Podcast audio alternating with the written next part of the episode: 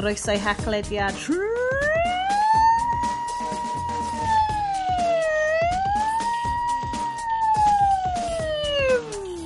Saethig pum! Yn dan, da ni dal yma, mae'n hwyr yn nos, mae'r gremlins yn ôl. Da ni wedi bod yn recordio rwan ers awr o 5 munud yn barod, ond da chi'n clywed ni'n fresh ar y tonfeddi. Uh, Sioned Sima hefo Bryn, a Iestyn! Guys, Guys, guys, guys, guys, guys. Mae hon yn noson lle mae'r agenda yn bwysicach na unrhyw beth arall da ni'n trafod. Mae Bryn newydd, wel, diflannu, a rwan ydi dod nôl. Um, Bryn, oes gen ti drink? O, oh, uh, dwi, dwi mainlineio'r Hendrix yno. Dim tank o rai. Na. Mer... a hefyd, di roi yeah. um, cucumber yna fo hefyd. Dwi'n dweud y oh, job yn iawn. Sweet, sweet. Hai fi gyfadde, dwi di mynd fewn i'r uh, botanicals, sachets bach o fel pepper pink a cardamoms, mm -hmm. crap fel na. Mm -hmm. Dwi'n mhm. hapus iawn i bobl werthu mm -hmm. stuff fel na i fi, mm -hmm. i fi mm. just sprinklo ar hyd cheap ass tonic fi. A, sorry, yes, mae hwn yn really well, cyn i fi ddod at y ti. Guys, dwi, mae gennau botel o seed lip adre. Erioed i gweld Seedlip ydy non-alcoholic gin. Neu, just dŵr sy'n smelio neis. Nice. So, Willy sy'n mewn siop dod o blaen non-alcoholic gin and tonic. A mae o'n 28 quid. A ti dweud iddyn, be di non-alcoholic gin and tonic? Just fatha, just tonic water. Mae fel rhyw infusion, so mae fel dŵr, yeah. a mae fel rhyw, basically, fel rhyw infusion. A mae'n ma, ma hogle hyfryd yna fo, ond dwi wedi bod ar Etsy, sef hoff wefan fi'n y byd i gyd rwan bod fi'n trio byw yn efo llai o plastig. A basically, mae'r bobl yn gwerthu fel tea bags yn llawn o fel yr herbs bys ti'n rhoi mewn gin. Mm. I roed yn dy tonic. Ond... So, fel ti'n rhoi... So, theori fi ydy, dwi'n mynd i ordro un o'r reina, berwi tecell, sticio'r infusion ma yno fo, wedyn taf, tollti y dŵr yna fewn i'r botel seedlip, a wedyn safio 28 quid yn hyn. Neu sens i fi. Neu ti prynu botel o botanical um, fever tree. A, a just ti'n dyn wedyn. Be di pwynt? A diolch byd arall iddo fo. Um, sorry, yes. Os gen ti hmm. ddrenc? O, oh, ie. Yeah. Gan, wel, ar dechrau'r sioe di hwn, ond dwi, dwi wedi mynd trwy um, Brewdog Um, dwi wedi mynd trwy Crossing the Rubicon Indian Pale Ale. um, a dwi wedi agor yr er Barry Island IPA gyn... Um, o, oh, hwnna uh, yw fy ffefryn. Um, so ma, hwnna, hwnna ar y gorfan. A wedyn mae gen i un arall yn cyddiad yma.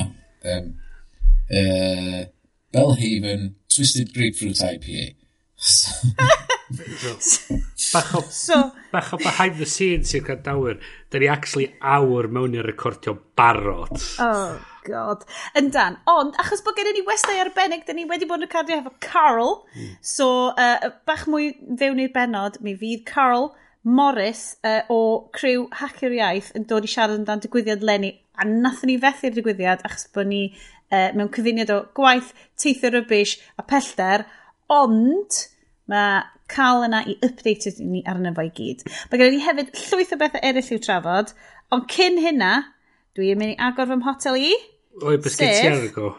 Midnight Mass, Plum Porter, Ooh. gan y Mad Dog Brewing Company. Ooh. Am hwn wedi dod o siop Story yn Bala, sydd yn siop anhygoel yn neis, efo pob math o cwrws gallu beth wedi siarad fo.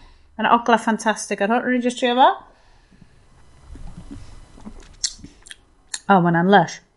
Mae fel, fel jammy, espresso i ffein. A mae gennau chocolate tywyll o Cabri World. Just i fynd efo, ti'n mo, paleo. Hashtag. Guys, guys, guys, guys. So mae hon yn mynd i fod yn quick fire awesomeness ben, uh, benod o'r haglediad. Uh, fe gennym ni after party hyd yn oed fel lightning round after party wedyn, achos mi eithin hwyr ar bawb, a fydden ni wedi cwmpa i gysgu erbyn diwedd yr recordiad. Uh, Bryn, yeah. Iestyn. Um, dyma ni rhywbeth arall i'r nest test yes. Oeddet ti'n gwybod bod yna microphone yn dy nest di? Yes? Dwi'n meddwl bod yna um, microphone yn um, beth gyna i yn y tŷ. Ond bod yr unig beth sy'n ei ar ôl ydy yr er smoke detectors. Um, ah. Ond... Yeah, yn yr un home security mae so, o. So, y stori ydy... um, yeah, no, yes, cer di yn i rwy drwy hon, achos ti drwy hon yn y nodiadau. Um, yeah, so, um, er, ers i um, Google prynu Nest, maen nhw wedi, ma wedi prynu uh, cwmni Dropcam uh, ar gyfer ffilmio yn dyty, fatha security cameran, ac maen nhw'n wedi ddatblygu um, security system hefyd o, yn fewnol, ac wedi bod yn gwerthu fo ers dros blwyddyn, fes ni'n meddwl, ac maen nhw newydd um, troi ymlaen y microffon sydd ar y security system, ac oedd neb yn gwybod pan oedden nhw'n prynu fo, fod yna feicroffon ynddo fo. So mae pawb eitha blin am hyn, uh, fod nhw heb di deud fod na un yna, ac be da chi wedi bod yn neud, defnyddio fo i ers i fi brynu fo, yn tywod, oherwydd, don't be evil, da chi just, da ni'n methu trystau chdi, chi o gwbl. Peidiwch a bod yn evil, guys! Yeah. Peidiwch a bod yn evil! So mae o'n PR disaster, dydi? Hmm. Tywod, Ie. Yeah, Be dwi'n licio oedd yr ymateb, fatha, o ia, doedd yr Doedd y microffon ddim yn gyfri, gyfrinach, oedd hi just heb di deud i neb amdano fo. Hollol wahanol. Hollol wahanol. Mm. Mm. So, sorry, dwi'n trod like, dwi'n gyfyn y chocolate fan hyn, cos fi jyst eisiau sugar spike i gario ni mlaen trwy rhoi ma. So, mae gymaint o thema, a'r holl stories dyn ni wedi bod yn casglu o gywys y yma, maen nhw gyd jyst yn horrendous fel Facebook wedi bod yn prynu personal data kids yn ei trwy sio yr app creepy as ma. Dwi'n siŵr pa un yn chi ydy roed y stori na fewn. Dwi'n y ddau yn ydy roed, roed y mewn. Versions gwahanol. So, um, yes, falle neu ddod at ti, achos bod ni'n jyst yn cario ymlaen o'r sort of don't be evil business ma.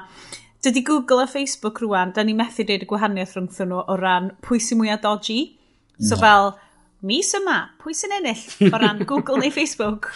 Ie, yeah, mae wel, dyna ni beth bob mis rhan, mae yna rhywbeth yn allan am y ddau nhw. Mwy, mwy na thebyg Facebook yn, yn cael fwy o negative press, ond, ond mae'r ddau yn nhw wedi bod yn cael ers, ers misoedd fan yn ddiawledig. Lle, yr stori arall mae ti siarad amdano ydy lle oedd um, Facebook wedi prynu VPN um, software oedd ar yr App Store. So, so oeddech chi'n gallu defnyddio hwnna i swffio lle bynnag oeddech chi yn y byd. A wedyn nath nhw newid y, y, y software i fod yn rhywbeth oedd yn rhedeg ar dy ffôn di. Um, so oeddech chi'n cymryd rhan yn hwn fatha arbrawf mewn ffordd iddyn nhw bod be mae Gen X yn defnyddio dyddiau yma ar, ar ei ffôn nhw. Gen Z, dwi'n gwybod be ydyn nhw. Yeah. Um, um, Ond y beth ydy, dydy'r dydy app yma ddim ar gael ar yr App Store. Mae'n ma, cael ei dosbarthu trwy Facebook ar ei um, uh, uh, enterprise accounts um, sydd yn gadael, so deud o'n fod ti'n gwmni, ti'n gallu cael enterprise accounts gyn, gyn Apple ac creu apps sydd jyst yn fewnol i'r cwmni. Um, ac mae yna lot o apps fel da gyn Facebook, fatha lot yn nhw ydy um, un i ddeud pryd mae'r bysys a'r trenau yn gadael um, y swyddfeydd i, i gael adra. Un ydy ar gyfer ordro bwydydd um, cyn cyrraedd uh, uh, y bwyty uh, o fewn Facebook a falle. A Google efo hyn i gyd hefyd. Uh, ond be, oherwydd o'n nhw'n defnyddio fo i bobl allanol, sef y teenagers ma, o 13 oed i fyny, um, Ac di, mae hyn yn mynd yn erbyn rheola Apple yn gyfan gwbl o sut ti'n defnyddio'r trwydded yma. So, um, bob dim oedd chdi'n neud ar y ffôn, oedd Facebook yn gwybod unrhyw beth, ti'n bod, absolutely unrhyw beth, oherwydd oedd gyd yn mynd trwy'r VPN software yma. Um, so, oedden nhw'n casglu yr holl wybodaeth. A hmm. fel, mm. yna, weles i oh. yn yr erthigol, fel yna llinell yn doedd yn hmm. fel, mm i'r rhieni yn dweud, wel, fyddwn ni yn casglu gwybod dan eich plentyn chi. Ond mae'n oce, okay, gwch eich compensatio amdano fo, mae'n ffain. A dy ddim just o reidrwydd y, y manylion be mae'r pa wefan y falle, Y llythrenol bob peth mae'r dyfais na'n neud. Y llythrenol bob peth. A hmm. y ffaith bod ti'n gwerth, sort of gwerthu preifatrwydd ydy hwnna'n de. Mm. Fel y ffaith bod, o ie, ti'n cael pres amdano fo. Mae'n dod am y lot, sy'n gweud. Na. Ti'n gwneud quid y mis, o. Ia, a ah, ti'n meddwl, os ti'n meddwl gwerth y data na yn, yn, yn, mewn terma be mae'n dysgu ti hmm. amdan mm. uh, math o bethau mae pobl oed yna yn, yn neud. Um, mm. Mae o'n... Mae'n anhygol. A hefyd bod nhw wedi really yn neud o swnio bod o'n llai o beth nag ydi o ac dwi'n meddwl o'r, or edrych yn neud yn glir beth yn union oedd ystyr roed y fath mynediad i gwmni i dyfais personol person. Yeah. Ond, ti'n mo, i, i, i plant yn ei arddegau, o. Mm. Yeah. A mae yna na, ma na nodyn yna i rieni yn dweud, ti'n mo, yeah, oce, okay. just clicio hwn. A ti fel, oes unrhyw rhiant i roed wedi gweld hwn? Ti'n fel, ti'n mynd i hmm. gael... Mi oedden nhw'n honni bod chi angen cael caniatad, ond ie fel ti'n deud, fatha, ydy o just fatha box ti'n ticio, dweud, ydy mae ma rhiant wedi gweld hwn.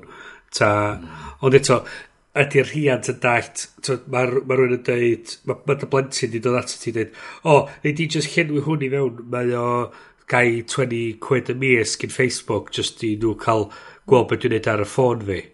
Dwi'n riant yn dwi'n ddall beth hynna feddwl. Mae TechCrunch, mae'r erthigol TechCrunch yn ffantastig ymdyn hwn, achos maen nhw just yn, fel, fel mae Yes wedi bod yn esbonio wan, mae fel yn deud fel, mae hwn, um, mae'r enterprise so certificates nhw'n cael ei defnyddio er mwyn pethau mewnol y cwmni. Mae'n deud, this strategy o cam ddefnyddio fo, uh, shows how far Facebook is willing to go and how much it's willing to pay to protect its dominance, even at the risk of breaking the rules of Apple's iOS platform on which it depends. Mm. A wedyn, dim just Facebook sydd wedi bod yn ei hyn, mae'n troi allan bod Google wedi bod yn ei hyn hefyd. Mm. So, Bryn, o ti wedi rhoi hwnna fewn? O, dwi'n meddwl y ddau wedi... O'r un Facebook oedd wedi dod i sylw fi. Um, uh, dwi'n synnu bod Google wedi gwneud yr un un sort of peth. Um, ac eto, uh,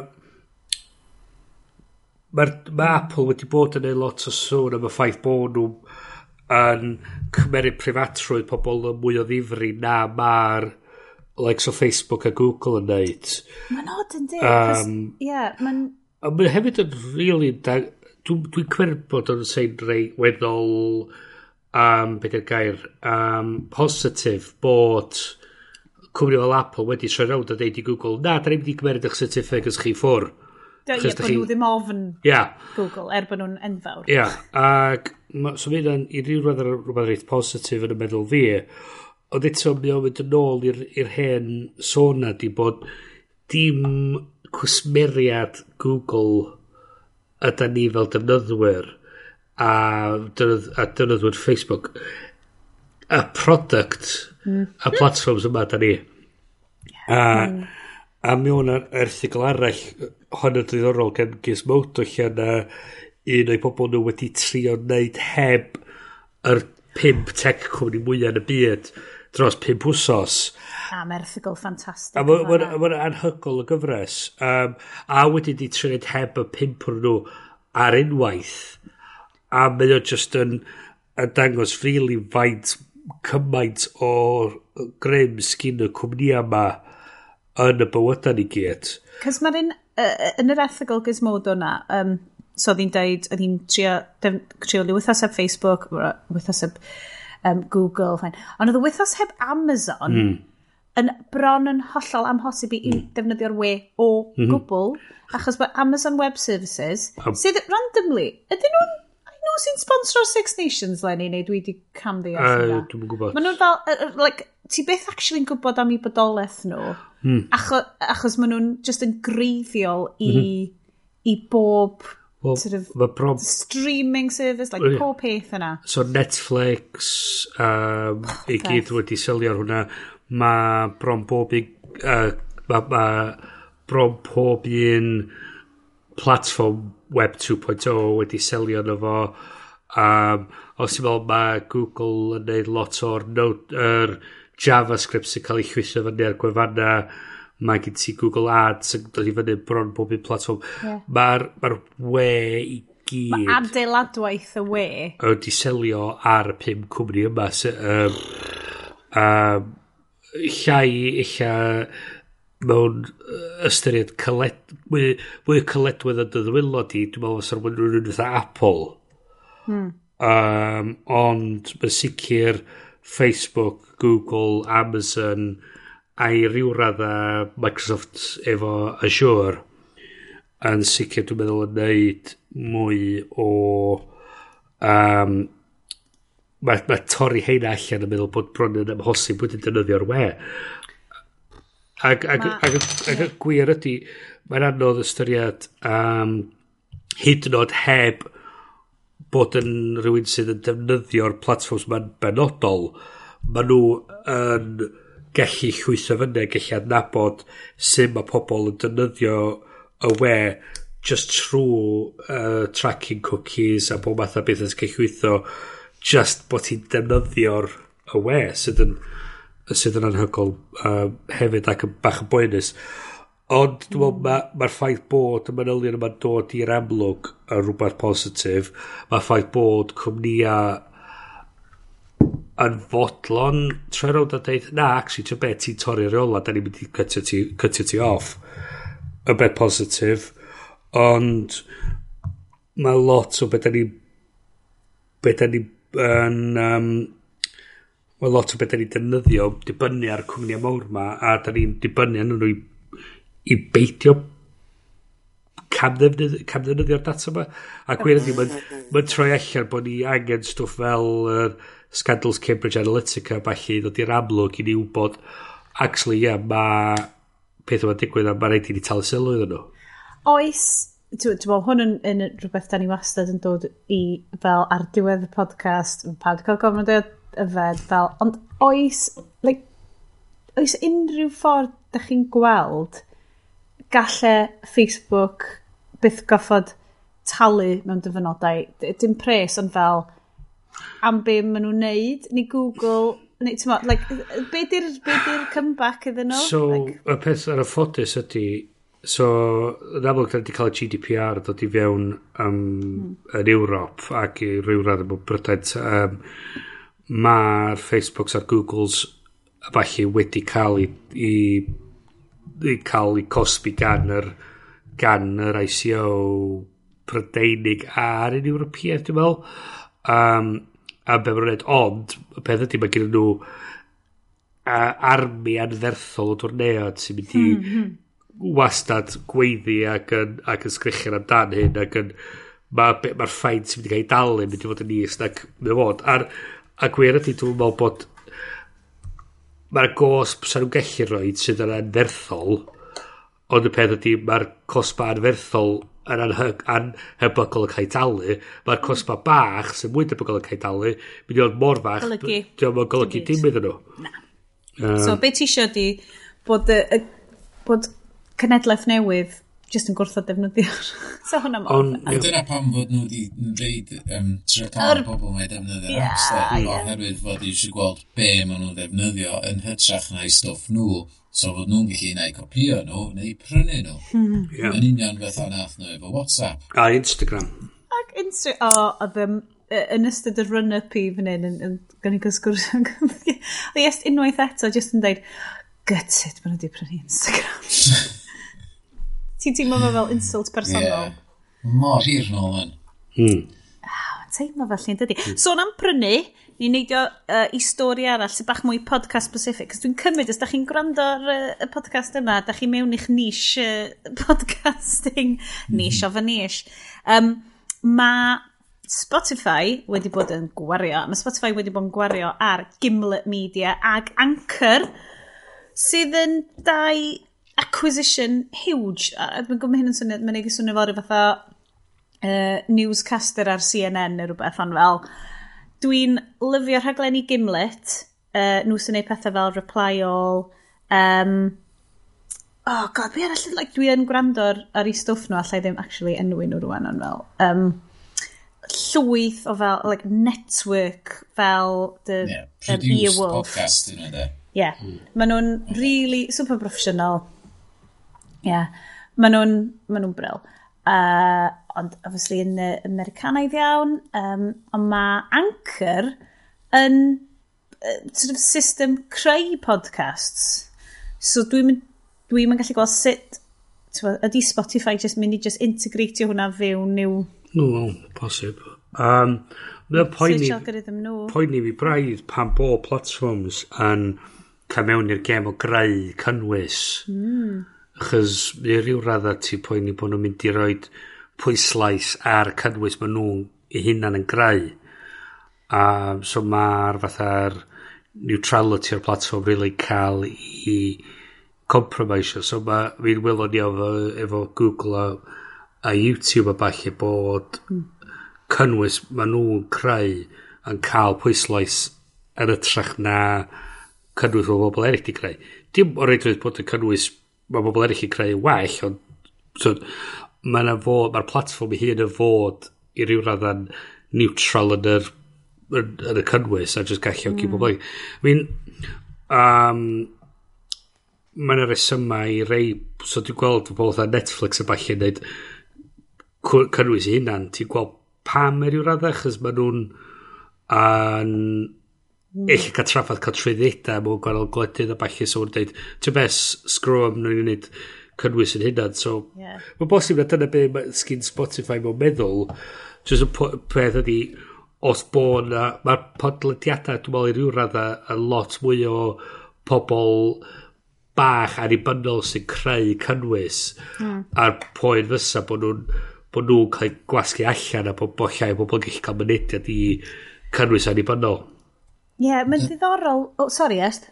Ie, dyna dyn ddim wahaniaeth rhwng um, uh, podcast a vlogs, de. Mae ma vlogio i gyd ar YouTube a lot o gynnwys uh, fideo yn, yn byw ar YouTube yma, a mae YouTube di ennill y farchnad yna. Mm. Um, lle mae fi, Vimeo dal yn trio, tybod, ceitro i'r um, mwy high-end video producer. Mm ond mae YouTube uh, wedi amsugno bob dim fideo arall allan sy'n ar y we. A mae ma podcast dal yn, fatha, yn agored oherwydd fod yn byw ar RSS, ond yeah. oherwydd fod y ffordd mae Anchor yn, yn ti'n chi creu y podcast yn efo, falle fysa, fysa Spotify yn gallu newid hwnnw hmm. i fod fatha, fatha rhyw fatha YouTube app lle ti'n ffilmio dy dy gynnwys ac yn llwytho fo sydd fyny YouTube, a dyna lle mae'n byw, fysa nhw'n gallu newid anchor, so dydy o ddim yn cyhoeddi fo allan oedd RSS feed i'r byd, fod o, ti'n recordio mm. y podcast a mae'n byw ar Spotify, a hmm. dyna ni am mm. Spotify'n dod o'r y default wedyn. Os ti eisiau clywed hwn, ti'n dod i fyma, um, sydd yn dioledig mewn ffordd ydy. Mm. Um, am fod yeah. i ddechrau ni efo cyn i YouTube cymryd drosodd, roedd lot o bobl yn creu cynnwys fideo fatha RSS feed, ond y broblem oedd talu am uh, costa um, i gadw'r footage mm. ag i streamio fo. So ti'n dibynnu ar dy Amazon Web Services yna, ac ti'n gorau talu hynna. Ond os ti'n reid ar YouTube, mae o'n ddim am hynna, yeah. a ti'n gallu gwneud pres yn ôl trwy'r adverts a felly. Um, ac eich dyna be mae Spotify yn trio gweld yn hyn, os fydra ni reid um, rhan o ffaint mae pobl yn wario ar Spotify yn nôl i'r pobl sy'n creu'r podcast yma, fydra ni mm. reoli wedyn, mm. fatha mae YouTube, cynnwys um, uh, sain, y uh, uh, we, um, ond fydd yna'n diwrnod trist iawn os mae, os mae dod yn hynna. Ie, yeah, cys mae ma gen ti dy apps fel Stitcher Premium a stwff, maen nhw'n trio wneud mm. Hmm. system o fel premium, fel mae yna bach o freemium model fan Mae un o'r podcast dwi'n gwrando ar fel James Bonding a maen nhw, um, dwi'n credu maen nhw'n fel uh, Earwolf? Ia, yeah, mae Earwolf. Na, Max Fun. Oh, Max Fun? Un o'n un o'n. Un o'r lle. Mae a maen nhw wedi deud, maen nhw wedi mynd, so mi fydd, mae gen nhw cyfres newydd yn dod allan, mi fydd hanner y benodau yn extras tu ôl y paywall, a wedyn fydd hanner, so ti'n cael nhw, ond os ti eisiau mwy, hmm. ti'n mynd i Stitch Premium. A ti dwi wedi trio Stitch Premium, ond mae rhai bod fi just gymaint o hen ddynas. Like, un podcast app dwi'n licio, sef yr un crap mhm. a RSS radio yma. Achos mae'n neud playlist just fel dwi eisiau. Fi'n very very specific. Dwi fel um, boi yn Phantom Thread. Mae gen i hmm. very specific ffordd wneud sto... Enw. Ond dwi'n licio... Sorry, gan i Ie, ie, ie. Na, o'n i jyst yn mynd i ramblo. Na, ond dwi'n dwi, dwi, dwi licio ffordd mae ma podlediad i sefydlu. Er bod mae'r ffordd mae podlediad i, i set, setio fyny ar y funud yn, yn gymharol i sy'n mae'r rhaglen teledu ar ITV mm. neu Channel 4 mm. chi gen ti ysbysebio yn y canol sydd yn talu am y cynnwys ti'n gwrando ar. Ond oherwydd fod podcast yn nish peth, mae hysbysebion o fewn y podcast yn dueddol o fod um, yn rhywbeth fysa gen i fi o ddiddordeb iddo fo. Mm. Ac mae wedi cael ei rhoi i fewn yn wahanol i'r ffordd mae'r trackers a'r cookies i gyd ar y we yn trio ffinio allan be sgynna fo ddiddordeb yn. Mm. Mae hyn yn gwybod fel, wel, os ti'n gwrando ar hwn, mae rai fo gyd ti ddiddordeb yn hwn. A dwi wedi teddol prynu'r stwff sydd ar hysbysebion podlediad. Um, a, ac ma, Gen ti cast o mattress, yes? no, na, mae gen i cael... Eve mattress. Ah. Ti'n cael meal delivery kit, yes? Ynddo. A byd fel? So, ti'n gwybod, mae... Dwi'n mwyn gwybod, dwi'n dwi mis... Dwi'n talu am gerddoriaeth ar hynny, o'n i beth yn meddwl sy'n ei wneud na, ond dwi'n cael mm. lot fwy o werth allan o dalu am cerddoriaeth na jyst prynu un album y mis neu beth bynnag o'r un arfer wneud. Um, ond y, y, y ffaith fod dwi'n gallu jyst gwrando ar unrhyw podlediad dwi isio oherwydd mae'n hysbosebion yn efo a mae pobl jyst yn neud podlediad teddol fod ddotha ni allan fod nhw'n jyst yn caru'r pwnc mae'n yeah. trafod. Mm. Um, so ni'n mynd mlaen, mae'n bach yn meta bod ni'n podledu am podledio, ond unwaith eto, os oes unrhyw wedi cyrraedd mor hir a hyn fewn i'r benod yma, neu mewn i'r gyfres yma, chi'n mynd i kind of gwybod, chi'n mynd i fod fewn i'ch podcast. yeah. Ma'ch uh, podcast chi'n mynd i fod yn eitha llawn. Um, right, dwi yn mynd i symud pethau mlaen rwan. Um, achos da ni ar nodyn eitha gwrdd. Mae hwn yn eitha gwrdd, sa'n neb wedi bod yn rhif lun yn y benod yma. Oce, okay. na, da ni'n ffain. Um, A da ni'n mynd i gael chat lyflu rwan hefo Carl Morris. Nath ni recordio hwn jyst chydig bach yn gynharach. Um, nath Carl ddiflannu yn y canol achos nath yr internet dorri. The whole of the internet. Do. Da ni um, sori am yna. Da ni sori am yna. Sori am dorri'r internet. Oedd Kim Kardashian di cael ei ffin allan neu rhywbeth. I don't know. So, Carl, dim Kim, uh, yn siarad am uh, digwyddiad hacio'r iaith. Uh, oedden ni wedi methu allan arno fo. Da ni rubbish. Ond oedd y vibe yn swnio'n hyfryd, a dyn ni, tyma, dyn ni wedi bod i, i lot o digwyddiadau dros y, yr 90 mlynedd diwetha, um, a mae ddyn rili really neis nice clywed yn cael be y dyd allan uh, o'r um, digwyddiad tryma. So dyma fo, a welwn i chi, ochr achall. Chachach, achach, achach, achach. Wel, am unwaith, mae gen i ni West Eye Special! Cael Croeso i'r rhaglediad. O, oh, diolch yn fawr iawn. Uh, wyt ti'n ymuno efo ni, so rwy'n arall o ochr arall y ffin, lle wyt ti yn recordio hen yma? Uh, e, Dwi'n recordio yn Ninas Brister. Neis iawn. Yeah. Llawn y dŵr, diwydiant, adeiladau. Pontydd, neis. Nice. Oh, really neis. Nice. Um, cael ti ddim yma i siarad amdan uh, Bryste, er mor lyflu ydy Bryste. Um, ond un cwestiwn cyflym, oes gen ti ddiod? Uh, Wel, fi newydd orffen uh, te uh, roi bosch. O, neis. Nice. Yeah. Nice. Fi'n licio cael e, dys dim caffeine ynddo fe, so Na, dim adeg yma nos. Gyda'r nos, ie. Mae'n neis. Dwi'n newydd arganfod un Earl Grey rwy rwybosh. Dwi'n cael... Ti beth? Dwi'n mynd i gwely. So hold on, mm. di hwn yn rhoi oh, hefo bergamot a lemon? I don't Hwn... know.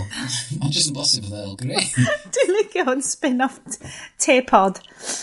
Um, cael, cael, cael. Da ni yma, da ni'n defnyddio amser pryndi, cos wyt ti'n fel super mega gweithgar ym mhob cornel digidol allai feddwl amdan, ond dydy di gofyn i ti arno heddiw i fynd â ni trwy be digwyddodd yn Hacio'r Iaith 2019.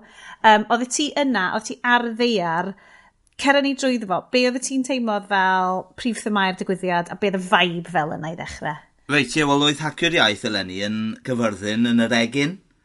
A ah. just, just i ddechrau, fel fi ddim yn siŵr os mae fel pwy sydd wedi gweld yr egin eto, ond fel lle ar gyfer pethau no. fel hacio'r iaith, uh, cynadledde anffurfiol a stwff, mae'n berffaith.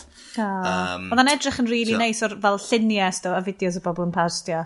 Ie, yeah, ie, yeah, falle bod e ddim yn berffaith o ran um, cyrraedd ar y tren o Aberystwyth, ond, neu, neu, mm. neu Gynarfon, ond mae'r adeilad yn wych, so wnaethon ni defnyddio rhyw tair neu bedair ystafell yna. Um, so dyma oedd yr er o, dwi'n trio cofio nawr, oedd yna lot o dadleuon am hyn. y degfed hacio'r iaith, dwi'n meddwl. Neu y degfed flwyddyn, dwi'n cofio nawr. Ond, dyn ni wedi gwneud llawer iawn ohonyn nhw bellach, ac dyn ni'n dal i weld wyneb yn newydd ac yn cael cyfraniadau gan um, fenwod a, a ddynion hollol delentog mewn sawl maes, ac mae just wir yn, uh, yn wych, ac ie, um, yeah, o'n i'n mm. gweld uh, eich eisiau chi i gyd. Ie, yeah, oedd ethi bach yn ffradach yn ni am rhesymau gwahanol, trafnidiaeth slash gwaith. Oedd y, y pod yeah. team ddim wedi gallu bod yna, so da ni jyst yn iwsio ti a pwmpio ti am wybodaeth. Disaster. O oh, iawn, wel fi'n hapus i cael fy iwsio. Ac hefyd, mae hyn yn arwain fi at uh, pwnc Sarah Hughes, achos wnaethon ni gwahodd uh, y digidraig Sarah Hughes i wneud mm. um, yr araith y goriadol. Mm Ac um, teitl hi oedd Hacio at Use. So, um, yeah, am segwe hi. No, si, chys mae hwnna, o'n i'n deud ni just cyn cychwyn recordio wan, mae, o'n i'n mor gytid bod fi ddim wedi gallu bod yna, cys mae gennau gymaint o feddwl o Sara, just fel, hmm. just person sydd just hollol switched on ac yn deall fel mair y byd digidol cymdeithasol a mae'n gallu approachio fo mewn ffordd gall really analytical. So, oedd meddwl bys ni'n methu allan ar um, fel cyflwyniad gen hi yn eitha gytting. Ond oedd ti'n deud cael, mae'n posibilrwydd falle um, gallu recordiad o'r allan? Posibilrwydd. Ie, yeah, wel, um, oedden ni wedi trafod recordio fe, recordio'r sain, ac hi oedd wedi cynnig gwneud e yn y pen draw. So, dwi'n awyddus iawn i rando arno fe eto, achos mae hi'n mynd trwy eitha lot o themau, ond yn tynnu'r holl beth at y gilydd mm. um, gyda so, y, y syniad o hacio at you sydd yn dod o um, Lady Amy Parry Williams, yr oh. um, to, o geiriau ein cyneuon gwerin. Um, So mae yna dyfyniad, fel dwi wedi ffeindio tweet gyda dyfyniad, pethau byw oedden nhw, pethau at iws, nid pethau statig celfyddydol yn cael eu cadw yn barchus rhwng cloriau mm. llyfrau. Ooh, so dyna oedd yeah. y, y peth oedd so, ha hacio ymarferol a pwyslais mawr byddwn ni'n dweud ar um, falle bod ymgyrchu yn gael eitha caled am hyn, ond so, defnydd yn y byd go iawn a, mm. a effeithio'r mm. byd go iawn. So oedd e- yn teimlo'n amserol iawn hefyd. Um, Eich mae'r syniad bod ni'n just yn archifo pethau er mwyn archifo nhw, diolch really mynd o fawr o, o ddefnydd wedyn ydy, yr syniad bod ni'n gallu cymeryd y pethau mae defnyddio nhw yn cadw nhw uh, berthnasol i pobl dydy. Ie, yeah, yna'r peth mae lot o fel um, galluoedd y technoleg. So ti'n iawn, ma, a, a, sydd ydyn ni wedyn yn defnyddio technoleg, neu ydyn ni fel hacio'r iaith, neu pobl sy'n dod at y gilydd a dyn ni jyst yn chwarae dyn nhw ac yn cadw nhw um, to, tu ôl i waliau e falle. Mm. Dwi ddim yn neud job gwych o gyfle i negesara. Falle bod yn well i chi uh, geisio gwrando arno fe unwaith mae hi'n cael siawns i, i gyhoeddi. Um, yeah, so oedd, oedd yr araith yna yn ysbrydoliaeth uh, mawr o'n i'n meddwl. Oh, so, um, So ie, yeah, lot fawr o bethau gwahanol uh, yn hacio'r iaith eleni. Um, so, i fi, oedd wedi teimlo fel bod cod agored y pethau, to, un, fi wedi bod yn bangio'r drum yn ers mm. blynyddoedd, ac oedd hi wir wedi teimlo i fi fel bod pethau prosiectau cod agored wedi cyrraedd eleni. Um, o'n i jyst yn sgwennu cwpl o nodiadau, so, to, oedd na sôn am Common Voice, a fi'n siŵr bod y t'o' y pobl yn weddol gyfarwydd y Common Voice. Ie, yeah, so hwn ydy'r ydy prosiect Mozilla i drio gael uh, adnabod llyferydd uh, mewn ieithoedd um, gwahanol. Am hwnna'n Common Voice yn app ti'n gallu lawrlwytho a cyfrannu dy lais. Dwi'n iawn? Ie, yeah, ti'n iawn. Ie, yeah, ac mae'n werth ymchwilio trwy wefan hacio'r iaith. Um, so oedd y crew Bangor ym Delyth Pris yn, yn cyflwyno Common Voice.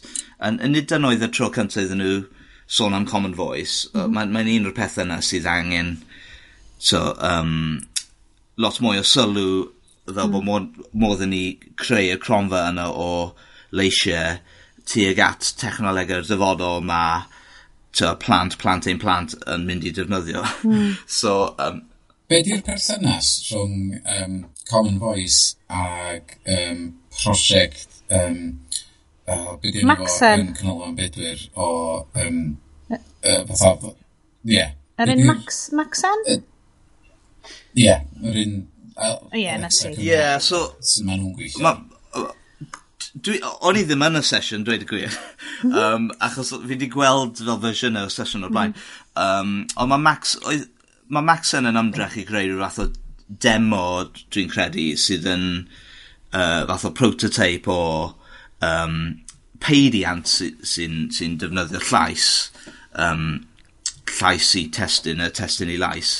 Um, mae Common Voice yn lot mwy fel ar lefel dyfnach um, fel seilwaith.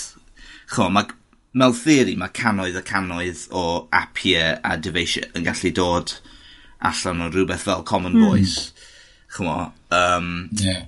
so, ie, yeah, mae Maxen yn fwy penodol really. mae Maxen yn ymdrech i, i trio dangos defnydd i bobl. Achos pobl, unwaith ti'n defnyddio'r gair seilwaith, mae pobl yn... Tio, mae rai bobl yn cael eu pethau fel yna, ond mae rhan mm. fwy o bobl normal fel petai angen gweld rhywbeth penodol, rhyw app penodol neu peirian penodol sy'n sy modelu'r peth. Fel proof of concept math o beth fel yeah, yeah. mae hwn yn gallu... Yn union, ie, yeah, ie. Yeah. Mm. So... O ti'n teimlo bod na unrhyw themau dros yr cyflwyniadau gyd? Yna un peth yn dod allan fel, o, oh, hon oedd y flwyddyn lle weles i... Mm. Wel, fel o'n i dweud, oedd So, o ran y stwff cywir agored yna, fel, o'n i wedi gwneud sesiwn ar um, prosiect Mapio Cymru. O, oh, ie, yeah, of course. Um, ac, ond hefyd oedd na um, cyflwyno gyda Aled Powell ac um, a Aled wedi cyfieithu Android i gyd bellach wedi gorffen y prosiect yna. Wow. Sydd yn tipyn o fel human, Lineage human genome yeah. cyfieithu Cymraeg. um, yeah, lineage ydy'r enw, mae'n fath o fel... Um, mae'n ma rannu lot yn cyffredin dy Android fel prosiect um, canolog. So dyna oedd y stwff cod agored o'n i'n... So bydde hwnna'n golygu yn y dyfodol, bydde ti yn gallu cael system Google Phone bys yn gallu rhedeg yn Gymraeg? Mewn theori, a'r ffordd fi'n gweld e fel so, y, y, y, y gwaith nawr sydd angen ydy, ydy lobio, lobio cwmnïau fel Google a Sam, Samsung ac yn y blaen i ddefnyddio'r cyfieithiad sy'n bodoli nawr. Mm. So, dys, gyda nhw ddim yr esgus no, yeah. bod hi'n gormod o waith i gyfieithu'r system. Achos mae... Mae yna So nhw'n gallu...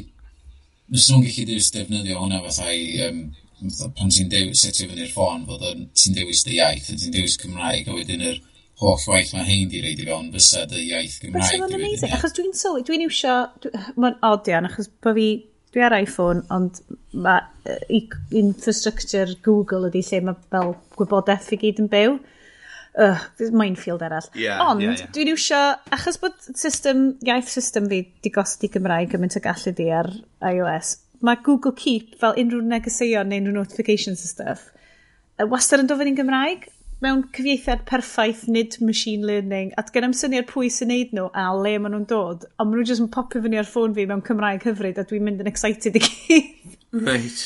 So, bys yr syniad yna tas o ti'n gallu neud o, bys o'n i'n totally, bys o'n tynnu fi nôl ochr arall y difaid wedyn. Cys o'n i'n gallu cael whole system yn Gymraeg. Bys hwnna'n masif. Hmm. Ie, mm. ie. Yeah. Ond nes ti nodi do cael fod Google Drive rhan yn Gymraeg mm. hefyd ydy? Ie, yeah, Google Drive ar, ar y we hynny yw. Dwi'n yn siŵr am, am yr app. Fi ddim wedi edrych at yr app. Um, Na, achos mae ma, ma, ma Gmail yn eitha, dwi'n meddwl, Dwi'n mynd. Ti'n meddwl pan ti'n mynd sylwi be wyt ti'n darllen, ti jyst yn cymryd y gwybodaeth fewn. um, ond mae'n just fel gymaint mwy o Gymraeg yn yr, yn yr ecosystem yna. Ond fel ti'n dweud, so lobio di hwnna, so di hwnna'n rhywbeth wyt ti'n teimlo dyle fod Llywodraeth Cymru mynd ar, neu di o'n fwy o, o, sort of pressure gan ddefnyddwyr, lle wyt ti'n teimlo gallen ni wneud rhywbeth twa, constructive efo hynna? Ie, yeah, wel, jyst i fod yn glir, mae ma pobl yn gallu gosod y system ac oedd Aled yn dangos um, Android yn redeg yn Gymraeg, um, ond mae'n eitha dyrus, a dwi ddim eisiau hmm. gwneud e efo hun, o gwaith o osod e, achos mae'n y perigo iawn o bricio, bricio, bricio ffôn yn llwyr, a just um, chwalu'r ffôn yn llwyr. Um, so, ie, yeah, fi'n credu bod yna rôl i awdurdodau yng Nghymru a Llywodraeth Cymru, ond hefyd grwpiau amgylchu a t'o' grwpiau sy'n cynrychioli defnyddwyr o bob math, ysgolion falle, mm. um, i t'o' trio cael y, y, y neges trwodd. Um, t'o' mae'n un o'r pethau sy'n gallu un o un o pobl siaradwyr Cymraeg o'r sefydliadau i grwpiau fel Cymdeithas yr Iaith i mm. trio cydweithio. Um, yeah. Fantastic. Um, Ie, ma'n man, n, ma, n, yeah. bod wedi wneud e, mae ma fe'n joio gwneud e, mae fe'n neud e fel Sudoku, Aled, mae fe'n jyst yn licio cyfieithu rhwng yngwynebau. Um, dwi, dwi am symud ymlaen os mae'n iawn yeah, gyda chi, achos yeah. fi ddim eisiau creu'r argraff bod code a seilwaith i'r unig pethau. Mm. Um, to, falle ar trywydd hollol wahanol, oedd Leia, Leia ffid i wneud um, cwbl o sesiynau Um, ac oedd hi wedi gwneud sesiwn origami. um, Weles i hwnna. So oedd hyn i fi yn eitha chwilradol, achos oedd hi wedi ail ddiffinio beth oedd ystyr hacio a beth oedd ystyr technoleg yn cyd-destun y gynhadledd. Mm. Um, ac oedd pobl yn joio creu origami, ac oedd yr amseru yn berffaith hefyd yn y prynhawn pan oedd pobl eisiau gwneud rhywbeth. Ti um, eisiau brain break bach, just yeah, fel... Yeah, brain break, yeah, rhywbeth... A a mae rhywbeth hefyd gallu uh, rhannu fatha passions o bach i fel ydy a das dangos mm. mae hwn yn rhywbeth sy'n diddannu fi a dwi eisiau rhannu fo efo pobl eraill a mae'n rhywbeth reit braf am gweld rhywun yn gallu siarad am rhywbeth maen nhw mm. yn teimlo'n gryf tuag at. So na mae'n mwyn a dyn nhw mor bydwerth. Hmm. o chi wedi gweld nhw ar-lein yn, yn do fi o'n i'n dilyn yr o'n i'n dilyn yr has na'r, nar whole thing chos o'n i'n yn gwaith ac o'n i'n dilyn yr hashtag ac ti just yn, ti just yn scrollio drwy ddfa a dechrau gweld just yr creadau ffantastig yma. Ie, yeah, wel ie, yeah, byddwn ni wrth y modd cael gweld mwy o stwff fel yna yn hacio'r iaith a just ehangu'r ystyr o be mae hacio yn golygu yn ein cyd-destun ni. Ie, Yeah. Fel gwyl, um, just teimlad gwyl, really, oedd yn eiddigeddus iawn. Yn, ystod y build-up oedd Sionet a fi, um, o Sionet i cynnig i fi bod ni'n bod ni'n neud rhywbeth o, o, o wei yna. Och. O'n i'n deud i ddi, a, dwi'n methu'n mynd bod yn y gwas yna, dwi'n bod yn awesome. Mae gwei fi yn ofnadwy. Um, ond, gosh, ie, yeah, just, a, a, just fel y hmm. dathlu ac yn y peth na hefyd. Mm. Cael. Um, mm. Dwi jyst eisiau neidio fewn y gyflym am, am um, y Bro 360. So mae ah, oh, hwnna'n yeah. so hwnna prosiect dwi mond yn nabod yn arwynebol. Cera ni drwy fel beth, beth yw'r cynlluniau efo hwnna? Reit, so ie, yeah, fi angen dacian hefyd, uh, fy mod i'n gweithio gyda cwmni, cwmni golwg ar bro 360. Um, ond uh, lawr i fron oedd yn neud y cyflwyniad yna. Ac um, bro 360 ydy prosiect mawr i helpu cymunedau yng Nghymru i ddechrau gwefannau bro. So, sy'n hmm. adrodd newyddion um, lleol sy'n perthnasol i'r um, brywydd uh, gwahanol. -hmm. So, um, mae'n yeah, ma prosiect eitha mawr, mae ma nhw wrthi yn recrwtio pobl fel... So, ar hyn o bryd mae'n tender allan i recrwtio datblygydd i wneud y holl um, to, themau a meddawedd i'r mm. um, gwefannau WordPress. Ac mae yna ma hyfforddiant yn mynd i fod, to, os mae ma y crew yn peblyg eisiau gwneud newyddion lleol neu um, t'o, pen parchau. Um, maen nhw yn gallu gwneud y t'o' gyda stwff aml gyfrwng, sain, fideo, testun. uh, yeah, mae loads o stwff yn mynd i fod. Um, dwi'n meddwl bod hyn yn wych ac mae'n mm. rhywbeth i'w groesawu, groesawu nid yn unig achos dwi'n gweithio arno fe, ond um, achos mae yna... Um, So dwi, dwi'n meddwl bod sôn 'di bod am hyn ers tro a, a ag a mae'r angen i, i, i symud um, newyddion lleol ymlaen ar y mm. we, newyddion cymunedol. Mm. A'r, ar syniad o galw nhw'n gwefannau bro hefyd yn hytrach na papur o bro digidol yn hmm. helpu, mm. dwi'n hmm. meddwl. Um, achos, ie, yeah, does na ddim cystadleuaeth gyda papur o bro, maen nhw'n gallu gwneud beth bynnag maen nhw eisiau gwneud. Yeah. Mae yna cynlleidfa i'r papur o bro traddodiadol Ond dyma'r gwef, gwefan y bro. So, mm. um, yeah, mae'n eitha dyddiau cynnar. Mae yna, ma un sydd wedi cael ei sefydlu eisoes, Clonc 360, sydd yn... O, fi wedi clywed hwnna, ie. Yeah. Gwa gwasanaethu um, gogledd Ceredigion. Fi jyst yn mynd i checio fo mor un yeah. iawn o ran effeithio yna. So, Ie, yeah, oedd cwmni golwg di dechrau'r un yna, just fel ffafr i... Wel, ardal Llanbed, sori.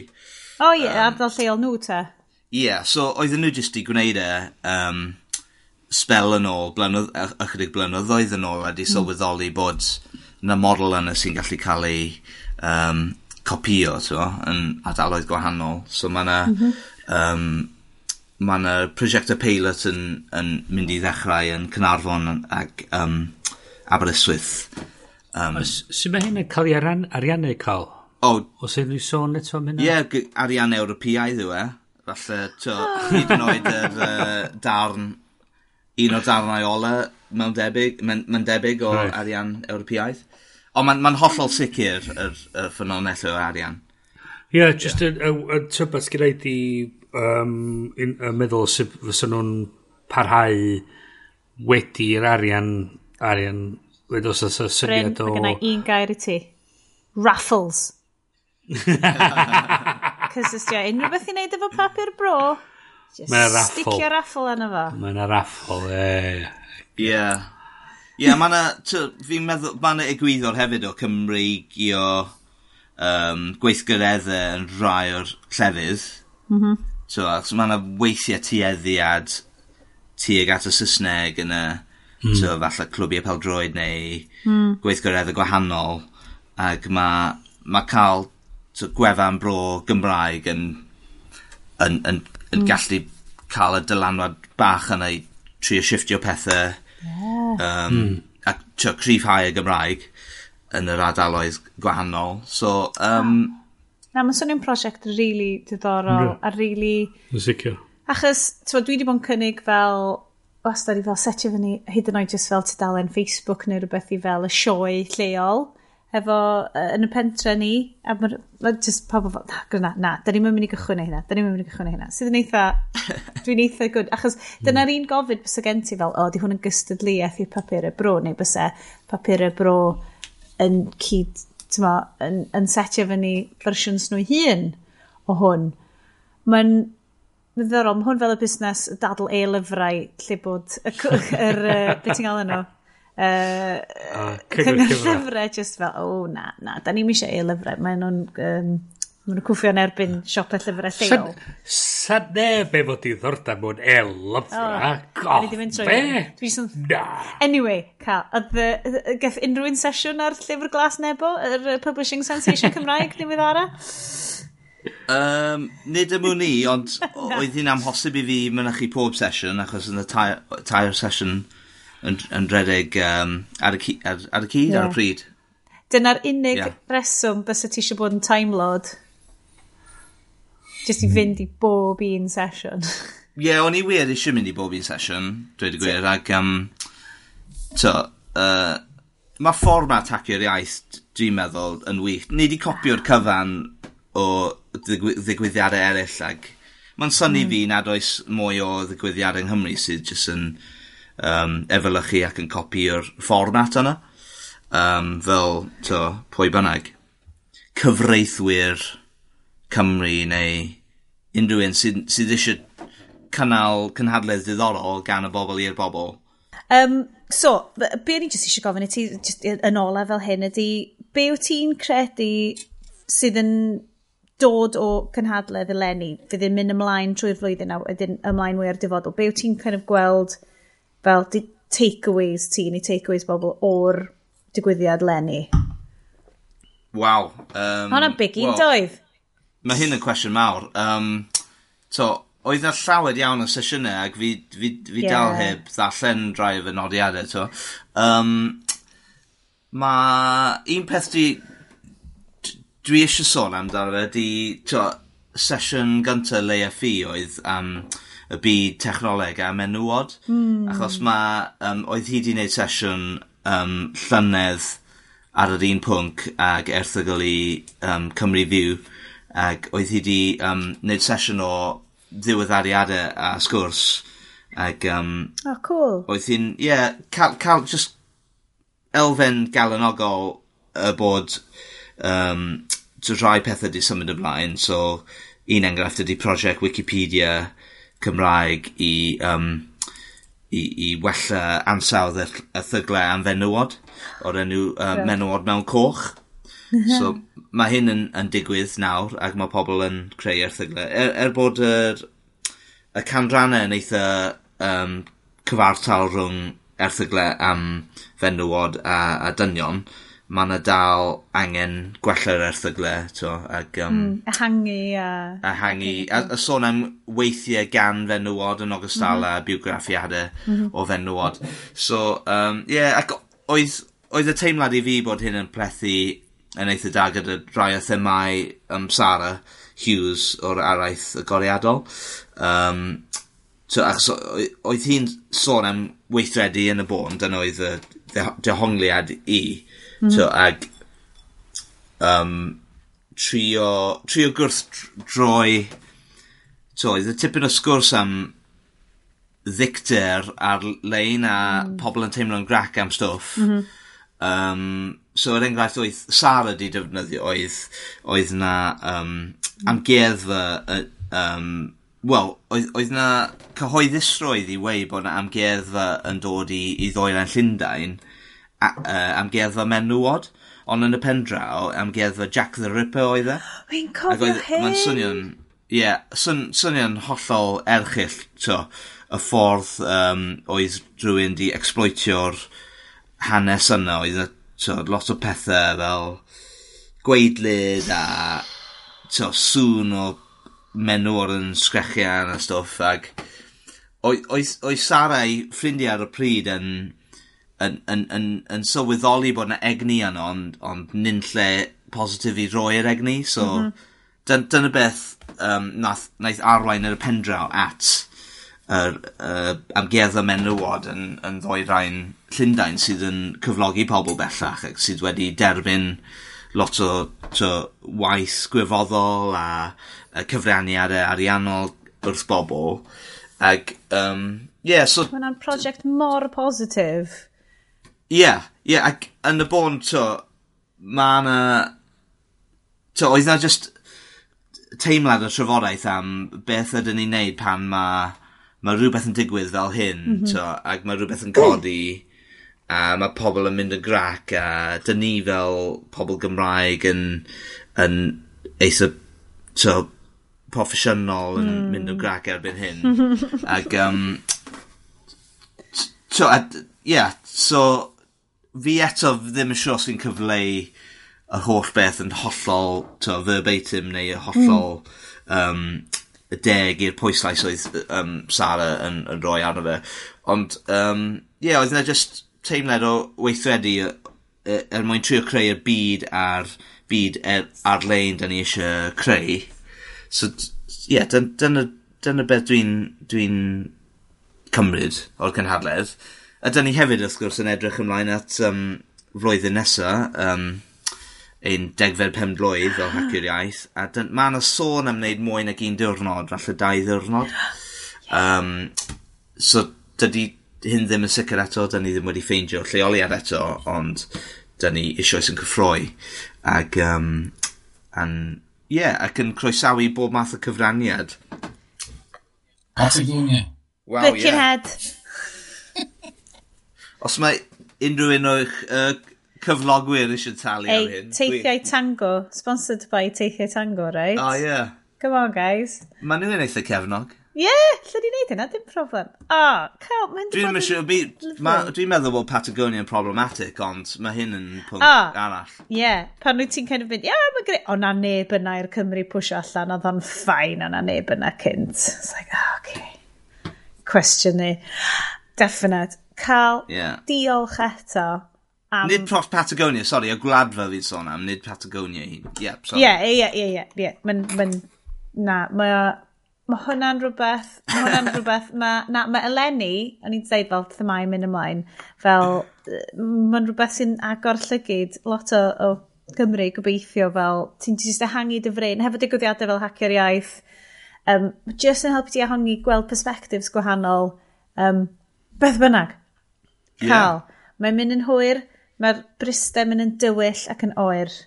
So dwi'n deud diolch yn fawr i ti am rhannu dy amser efo ni hen yma a rhoi'r gwybodaeth i ni a ni'n rili really edrych ymlaen amdan uh, hacuraeth deg achos oedden ni rili, really, dyna sut twod, da ni gyd wedi dod at yn gilydd i, i wneud y sioe yma oedd mm -hmm. myna chi to, uh, digwyddiadau fel na so uh, dy, yeah. diolchgarwch personol gen ni i ti am, uh, a'r tîm am drefnu.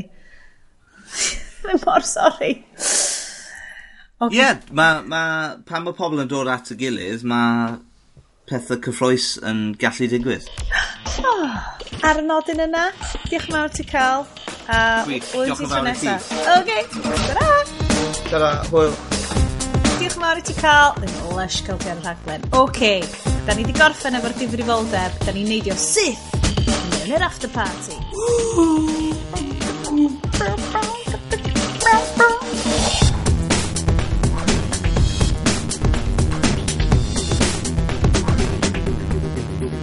level.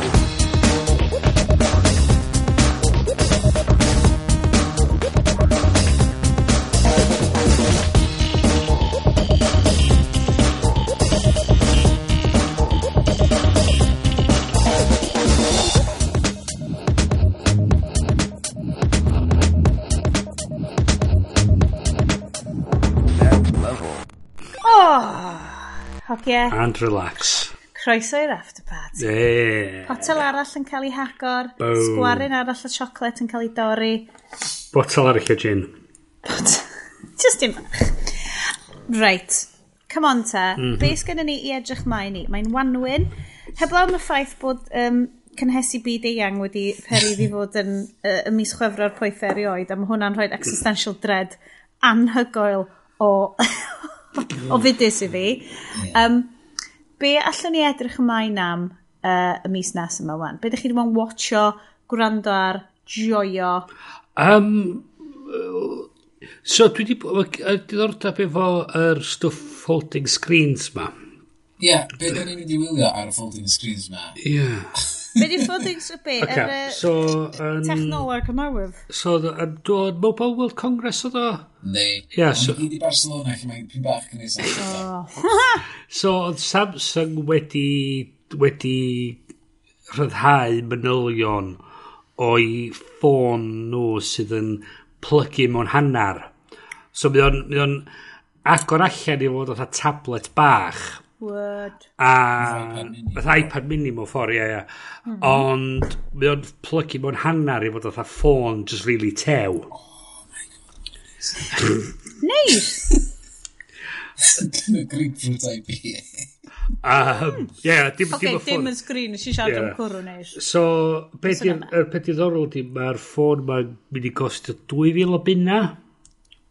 Neu. O, oh, um, iawn de. Mae pob ffôn yn costio hwnna ar ôl Brexit. Diolch yn... Diolch i weld... Diolch... Um, Mae o'n edrych yn dewach na lot o yna ffôn sy'ch chi'n disgwyl fel afar. A... Mae'n dau ffôn o'r unig. Ie, yn union, yn union. Mae'n agor allan. Uh, so, dwi'n meddwl bod o'n concept diddorol, ond dwi'n yn siŵr faint o weithiau fyna ti agor a cael o cyn iddo fod ori. Um, Mae'n faint o weithiau ti'n gael ei kids ti twtio. Oh, god, mae'n gwmpa dda. Ia. Yeah, um, So dwi'n meddwl, do'n syniad yno, a mae'n diddorol gweld cwmni fel Samsung yn dweud, ti'n beth, da ni'n drio fo gweld. A... Mae nhw'n masif, mae nhw'n gallu. pedwar i cael ei gyhoeddi ar yna, doedd. Does, ac eto, chos dwi'n gwybod bod, mynd yn a lot o pobl yn dweud fatha, um, o, oh, oh, di Apple heb rhyddhau yn nhw. A ti'n meddwl, wel... Pam bod nhw sio? Mae mor ffori. O, beth dwi'n... Thing fi di cyn gymaint a ti chi roi, fatha, roi shit iddyn nhw, ma nhw yn really meddwl am beth yw'r profiad am fod. Ac os ma nhw'n edrych arno fod yn ymwneud â'r rhaid, siawns ydy, dyn nhw'n wedi ffigur allan sut ma nhw'n gallu creu profiad ma nhw'n hapus efo. A, hmm. a siawns gynnau ydy, mae yna probably reswm da. Chos... Ie, dwi'n dwi, dwi licio'r... Ie, dwi, fatha chdi, dwi'n dwi licio'r syniad ar efo, ond dwi'n meddwl amdano fo erioed fatha, fydd ffôns yn mynd mor dena un diwrnod, lle fydd dwi jyst yn gallu plygu fo i gyd allan a fydd i... Dwi'n bo, hmm. eich fydd i'n gallu... Ond bod, faint wyth ydych chi'n plygu darn y bapur, mae yna limit. Wyth, gwaith. Na, wyth. Ie, yes, so, dweud fod ti'n gallu gwneud hynna efo ffôn rhywbryd, a wedyn ti'n agor o fyny, gen ti A3 screen na, um, tymo, mae gret o ddyfodol i edrych fewn iddo fo, ond um, mae rwy'n yn gorau dechrau'n rhywle, mm. a mae'r ma, ma cwmni yma, um, Huawei a nhw, Samsung, wedi mynd dau ffordd wahanol, un dweud y sgrin ar y tu allan a llall dweud y sgrin ar y tu mewn, um, sy'n just yn plygu allan. Um, ond uh, dwi'n siŵr dwi wedi gweld mewn rhyw ffilm yn rhywle, um, tywed, mae Pam ti'n pam ti'n edrych nôl trwy'r amser nath um, uh, Gutenberg wneud yr uh, uh, ffordd o, o, o printio a creu llyfr a falle, a cyn hynna oedd gen ti'r scroll uh, dwi'n ffnol mm. eich ar fysa ffôn ti'n gallu mynd yn ôl at scroll cyn gen ti just y stick tenna ma mm. a wedyn ti'n gallu tynnu allan i ba bynnag seis wyt ti eisiau sgrin yeah, yeah, yeah. nath LG dan, danos yn CS teledu oedd yn sgrwlio i fewn i'r llawr mewn i tiwb. Ac, um, so oeddech chdi'n gallu codi allan i aspect ratio be bynnag oedd y ffilm oeddech chdi'n wylio. Yeah. Um, 21 by 9 neu be bynnag oedd un yn nhw. Ac oeddech chi'n gallu popio fyny mymryn bach, oeddech chi'n gallu cael y tywydd a bla bla bla, a stwff fel that. So, mae'r dyfodol gallu bod yn unrhyw ffin o heina. Mm. Um, Wyt ti'n meddwl bod nhw mwy fel... Uh, Maen nhw'n taro fi fel bod hyn yn devices allan o Star Trek. Dim, Dim ddim gwneud Yna, Ti'n ei segwe i fewn i Star Trek di beth, Discovery. Mae rhywun yn gorau wneud y naeth mm. na i fewn i dde, here we go, hwn i dechrau rhywbeth newydd. Mae sicr yn rhywbeth, peth mwyaf y mwyaf newydd da ni wedi gweld mewn ffona symudol ers ipyn amser. Hmm. Chos o'n y graffic reit diddorol chdi gael flynyddoedd yn ôl o smartphones cyn yr iPhone a smartphones ers yr iPhone. Mm. Ac oedd cyn yr iPhone, oedd nhw bob siap, bob form factor, oedd nhw bob un gwahanol peth. Fel bod ti'n trio ffindio. Ac ers yr iPhone, mae wedi bod yn rectangles dy. Mm. A... Mae rwy'n di bod yn gwachio Kubrick. Ac yr syniad bod rhywun wan yn edrych ar profiad um, gwahanol a gweld be fydd wedi'i wneud cyfunod. Chos y peth diddorol oedd gen i dod y blaen oedd ni siarad efo dat oedd o edrych ar chos mae o'n bod efo iPad mini ers uh, sydd wedi probably rhyw bedar pum mlynedd bellach wan mm -hmm. a mae o'n dechrau dangos i oed. Mm -hmm. Ac be oedd o'n gofyn am beth ydy'r options o cael gwarad o hwnna ar, ar, ar, ar, cael ei newydd yn ei lefo. A be oedd o'n dweud i fi oedd oedd o'n mwy debygol wan o defnyddio ei ffôn yn ytrach na'r iPad. Mm. A so'r syniad bod chdi'n gallu cael un dyfais sy'n neud y ddau. Mm. A'r actually syniad weddol, chos weithiau di ti, mm. ti o'n dangen rhwng sgrin bach fath ar dy ffôn di, a weithio wedyn ti angen sgrin mwy i neu chdi bach, rhywbeth bach mwy manwl. Ond eto, yr syniad ydy sut ti'n cael profiad bod yn gweithio mewn ffordd synhwyrol, so bod ti'n gallu symud o un i'r llall mewn ffordd reit a reit, reit, reit haws, bod o'n bod o'n seamless, bod o'n profiad yn symud o'r porwr ar y ar y sgrin bach i'r porwr ar y sgrin mwy a be, sydd mae'r apps yn mynd i gweithio. A mae'n lot mwy o waith, really, na just mater o mae sgrin bach, mae sgrin mawr. Mae yna, ti'n gwrdd gallu symud y state, a symud a bod yn beth a sgeilio fyny a, i, mewn ffordd sy'n ei synwyr. A dyna fydd o'n mynd lawr i di pwy sy'n gallu creu y profiad gorau mm. ar y form factor yna, mm. a nhw'n ei hynny. A fel dwi'n meddwl Estyn, mae'n gres bod rhywun wedi cymryd y naid a penderfynu, ia, da ni'n drio fo. Mm. A fi... Ond mae'n uh, Huawei hyd yn oed mwy dwi mae ta 2700 mm. um, Penny, uh, diolch mynd i fod ar contract gen, gen Vodafone ydy, mae'n mynd i fod, mae'n rhyw... Mae'n mynd i ddod Google Glass, mae'n rhyw, Mae'n rhyw hanner dwysyn o bobl sydd yn mwy o pres yn y sens mynd i brynu fo. Mae'r rhywun yn mynd i mynd i fod allan yna, mae'n mynd i weld y mwyn teledu, mae rhywun yn mynd i dweud, o, oh, cool, ni weithio allan beth mae'r profiad mae'n mynd i edrych o. Proof, yeah. of, proof of concept yw hwn mwy na mm. byd. O, wel dyna ddo i, fi hefyd, ti'n bod, pan oedd yr iPhone gynta allan, um, fi, mi o'n i'n un o'r pobol na, nath wario um, pris llawn ar uh, yr iPhone, ond neb i roed i clod, neb yn wario chwech am pint ar ffôn o blaen, a nes i, nes i just dweud, na, no, na, mae hwn yn dechnoleg sydd werth i wario ar. A so nes i wario fo, Um, oh, o'n i wedi gwario ar efo un peth ac o'n i wedi wario ar iMac fi, nes i brynu ar iPhone gynta. Um, ac, so, oedd, mi oedd o werth o. Ond y dyddi yma, um, oedd gen fi Apple Watch ar fy mraich a gen fi dueddol fod Bluetooth headphones rhwng yng Ngwdl. Um, anamal, dwi'n gorfod edrych ar mm. fy ffôn. Mm. So bys o'n gallu, mewn gwirionedd, bys o'n gallu bod yn iPad mini, so wedi cysylltu efo, efo 3G neu 4G be bynnag yn, yn fy mag. So hwnna wedi cysylltu efo fy ffôn, efo uh, watch, sorry. Um, os ni'n gorfod, dwi'n os ni'n gorfod tynnu fo allan mor aml. Mm. A hmm. wedyn, Ti'n mangan y ffôn wedyn. Os ni'n tynnu fo allan, ia, so seis sgrin yna'n yn gred. A, a mae wedi dibynnu, really, ar mae'r cwmni yn mynd i gorau meddwl amdan y profiad o un pen i'r llall a penderfynu be ydy'r stori maen nhw eisiau deud efo'r efo'r products gyda nhw. Mm. Dwi'n meddwl tyddiad efo Samsung ydy, mae gyda nhw dwi'n meddwl i ryw 3 neu 4 gwahanol model o ffôn maen nhw'n gwerthu ar un un pryd. Mm. So dyn nhw'n deud un stori trwy'r holl beth i gyd dyna sgyn Apple di, maen nhw'n deud un stori trwy'r holl beth. Mae Google efo yr Pixel phones un stori maen nhw'n deud trwy'r holl beth. So, ti'n gallu creu profiad sy'n gwneud synwyr, so ti'n gallu wan e, dechrau ar un dyfais, trosglwyddo i dyfais arall, trosglwyddo i dyfais arall. A mae hwnna'n gwneud synwyr yn ei byd nhw. A be sy'n mynd i ddigwydd efo'r stwff plygu yma, dwi'n gwybod, ond mae'n mater o creu profiad sy'n mynd i wneud synwyr i pobl. A dyna, a, a hwnna fydd y cwmni sydd yn cael rhywfaint o lwyddiant efo creu sgrin sy'n plygu. Mm. Um, be da ni'n mynd i fod yn gwatcho ar y sgrin sy'n plygu yma? Uh, dwi dal eisiau mynd nôl i siarad am Star Trek Discovery, cys mae'r cyfres... Dwi'n dechrau fe ta. Oh, yes. Mae'n rhodo ar y yes rest Achos... O, angen, angen, angen. Mae'r just...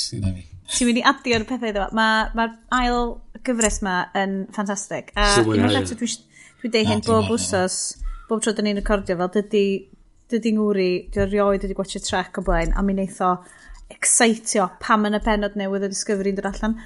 Achos, ond oedd o fel, penod diwedd ar yma, dim spoilers. Hwna'n Cymraeg, ie?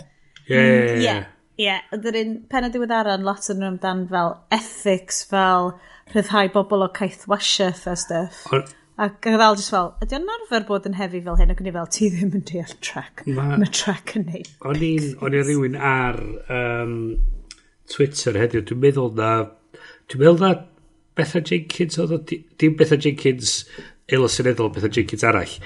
Bethan Jenkins, Dr Bethan Jenkins. Dr Betha Jenkins, ie. Yeah. Oedd, dwi'n meddwl, hi'n dweud, bod nhw isio Star Trek Discovery um, um, um, cloth, eitha dillad oh, efo yeah. Efo black alert yn efo a mae stwff fel yna ia, ia, dwi eisiau dwi eisiau Chris Tees mae gan uh, uh, Gerth Maidli uh, Seren uh, Twitter Cymraeg uh, at Maidli uh, mae gen efo t-shirt sy'n deud disco very Ti'n so, fel, achos o gen nhw fel pan maen nhw'n mynd i jogio rhwng yeah. um, pan maen nhw'n jogio rhwng y y llong. Yeah. Fel dyna, dy'r t-shirts ys gen nhw'n just deud disco ar y ffrant. A mae'r ond, mae'r typeface yn union yn pethau like, um, Land Rover Discoveries hefyd, fi di'n falch o bod i est. A ddim, mae'r cyfres newydd yn un gwych, dwi'n meddwl. Um, dwi'n mwynhau yr actor sydd yn chwarae uh, Christopher Pike oh my god, pwy ydi o? Dwi rioed wedi gweld y boi ma o blaen. Yeah. Mae o fel rhyw fath o fel perfect 60s dreamboat. Mm. Efo uh, bach o silver fox yn mynd mlaen. Very mm. Captain Kirk vibes. Like, shat vibes yn dod allan o'n efo bob mymryn o'i gorff. Yes, fel fellow silver fox, dwi'n cedi byddai ti'n gwerthfawrogi. Is he a fit boy? He's, uh, he's, he's good boy. Man, man, oh my god, mae Captain Pike yn lovely. So, Bryn, like, my, my, my assistant, uh, Bryn, is now checking, um, like, pwy ydy'r actor, a dwi mm. roed i'r gweld o'n unrhyw beth arall. A... Uh, Oce, okay. mae hwn efo'r enw gora yn y byd. Oce, okay, barod? Oce, okay, brace yourself. Anson Mount. Anson Mount. Ti'n siŵr bod o ddim mewn nice. um, Uh, dim, o'n i'n mynd i ddeud Tofel yn Dyn novel, dim dyna beth dwi'n meddwl. Milson, Milson Boone novel, ie, ie, ie. Um, na Anson Mount ydy enw fo, a uh, ti'n edrych ar y filmography. Um, Unrhyw beth gwaswn ni'n gwybod? Uh, hang on, hang on. Um, Anhebygol. Oedd o, oedd yn Inhumans, yr er gyfres ah, gweitha Netflix Marvel. Um, wow. Uh, na. Oh, yeah. Na, dim byd. I byd... Dwi'n syni bod o ddim, achos mae gen i fo Gwyneb dyle fod mewn Avengers films. Mae o... Um, mae... Mae... Beth yna fo? Pwysa'r yna fo? Mae... Mae'r ma cyfres... Uh, Mae'r ma cast i gyd yn anhygol. Ah, um, Mae Doug Jones, dwi'n gwybod sy'n gwneud shout-out i oh. Doug Jones. Mae'n siŵr bod fi wedi, dwi'n teimlo fel bod fi wedi siarad amdano nhw lot. Ond mae gwaith Doug Jones fel y boi tala yeah. tynia erioed, a mae o'n fel actor cerfforol iawn, oedd o'n Pan's Labyrinth, a fo oedd y creadur yn Shape of Water. Um, Sonika Martin Green fel Michael oh, Byrne. mor dda. Oh my god. Anthony Rapp, dwi... dwi oh, mae o just yn... wow. Anthony Rapp, Sinsir Represent.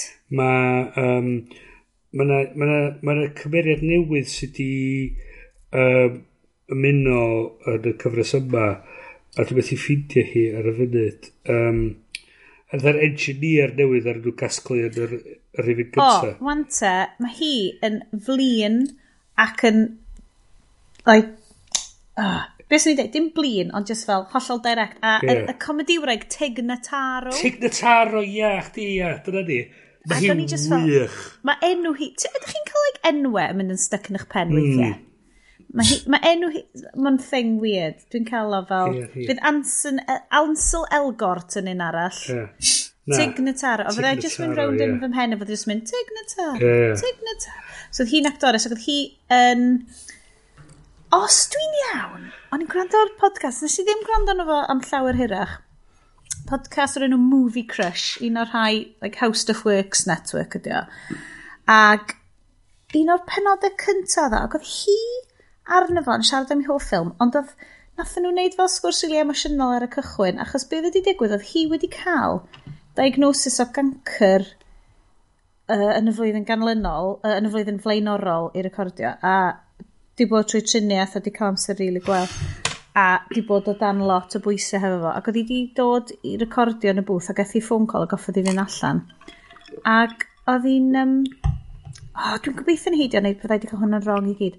Ac oedd hi wedi cael yr all clear. Oh, wow. A, tra oedd hi ar y rhaglen. Wow. Neu rhywbeth. Ond ond oedd o'n rili really fel di effeithio ni. A dwi'n... Oh, dwi Os na hi oedd o, dwi'n gobeithio yeah. hi. Ond oedd o just yn stori fel my god, a mae hwn i gyd wedi digwydd o fewn fel recording booth. Ie, yeah, ie, yeah, ie. Yeah. So, ti'n feddwl fel, yeah. like, ydy o math o beth fysa ti'n hapus i rwy'n fod yn recordio, ond oedd hi just fel, oedd o just yn, yn brofiad mor mm.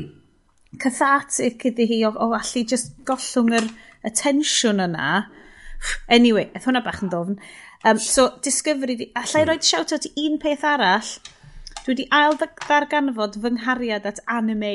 Oh, oce. Okay. O'n i'n big anime fan. Wel, gymaint o ti'n gallu bod yn mach diwedd y ganrif diwetha.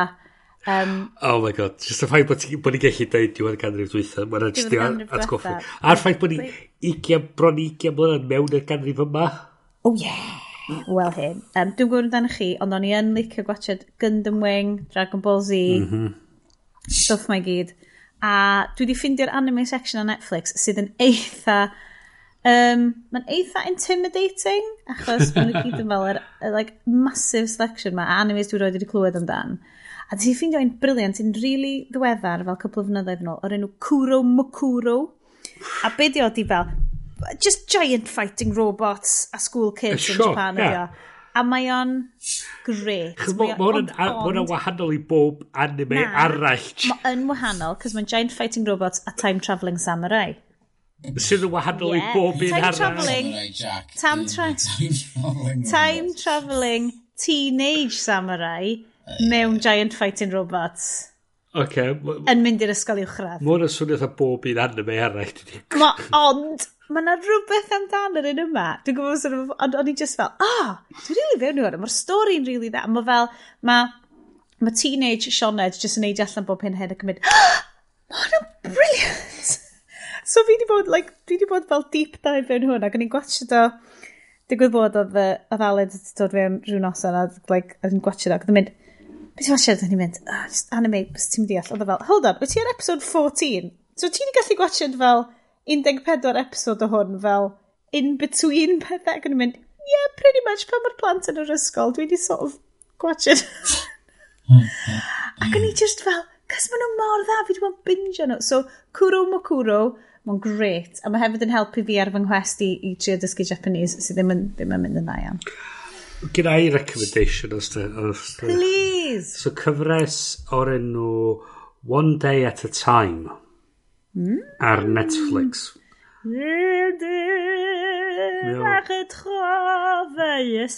Mae o bellach ar ei drydydd cyfres.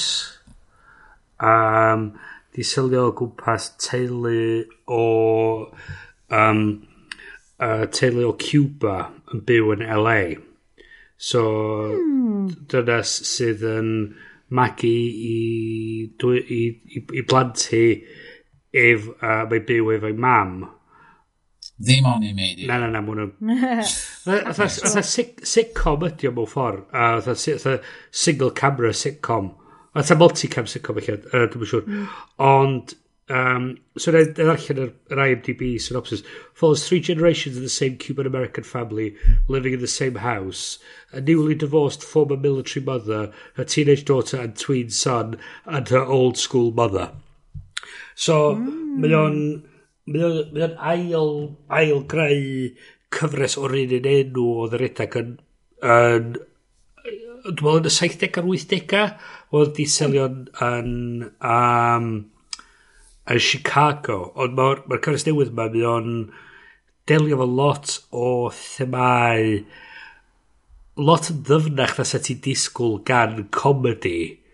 So mae delio fo themau gwybod oedd PTSD, mm. drugs, um, a pethau fo um, LGBT, mae delio efo um, teulu, a, a bob bo math o themau dofn ond yn delio fo mewn ffordd sydd berthnasol a ffordd sydd yn really clyfar ac yn ddoniol. A mae'n dweud mewn ffordd really really nice a mae o werth i weld ac mae o... Mae ma lot o uh, actorion ffefryn fi o Brooklyn Nine-Nine wedi... A ah, ie. Yeah. Wedi hefyd di bod ar y sioe. Ac hefyd oedd gen nhw Gloria Estefan anno fo am un rhywun. A Cuban American Princess. A, a, a dyn hefyd oedd... Um, Beth yw'n Rita... Um, Rita... Um, Rita Moreno. Sydd, o, fi nabod yr enw na. So, um, nes i darganfod...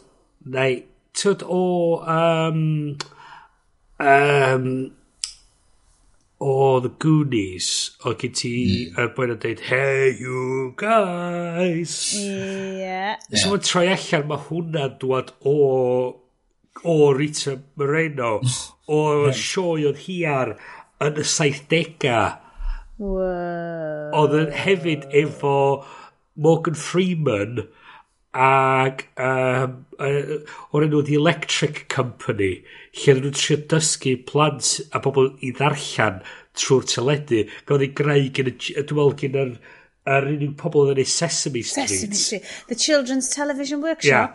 So, so o, o fanna mae Hey You Guys yn dŵad o.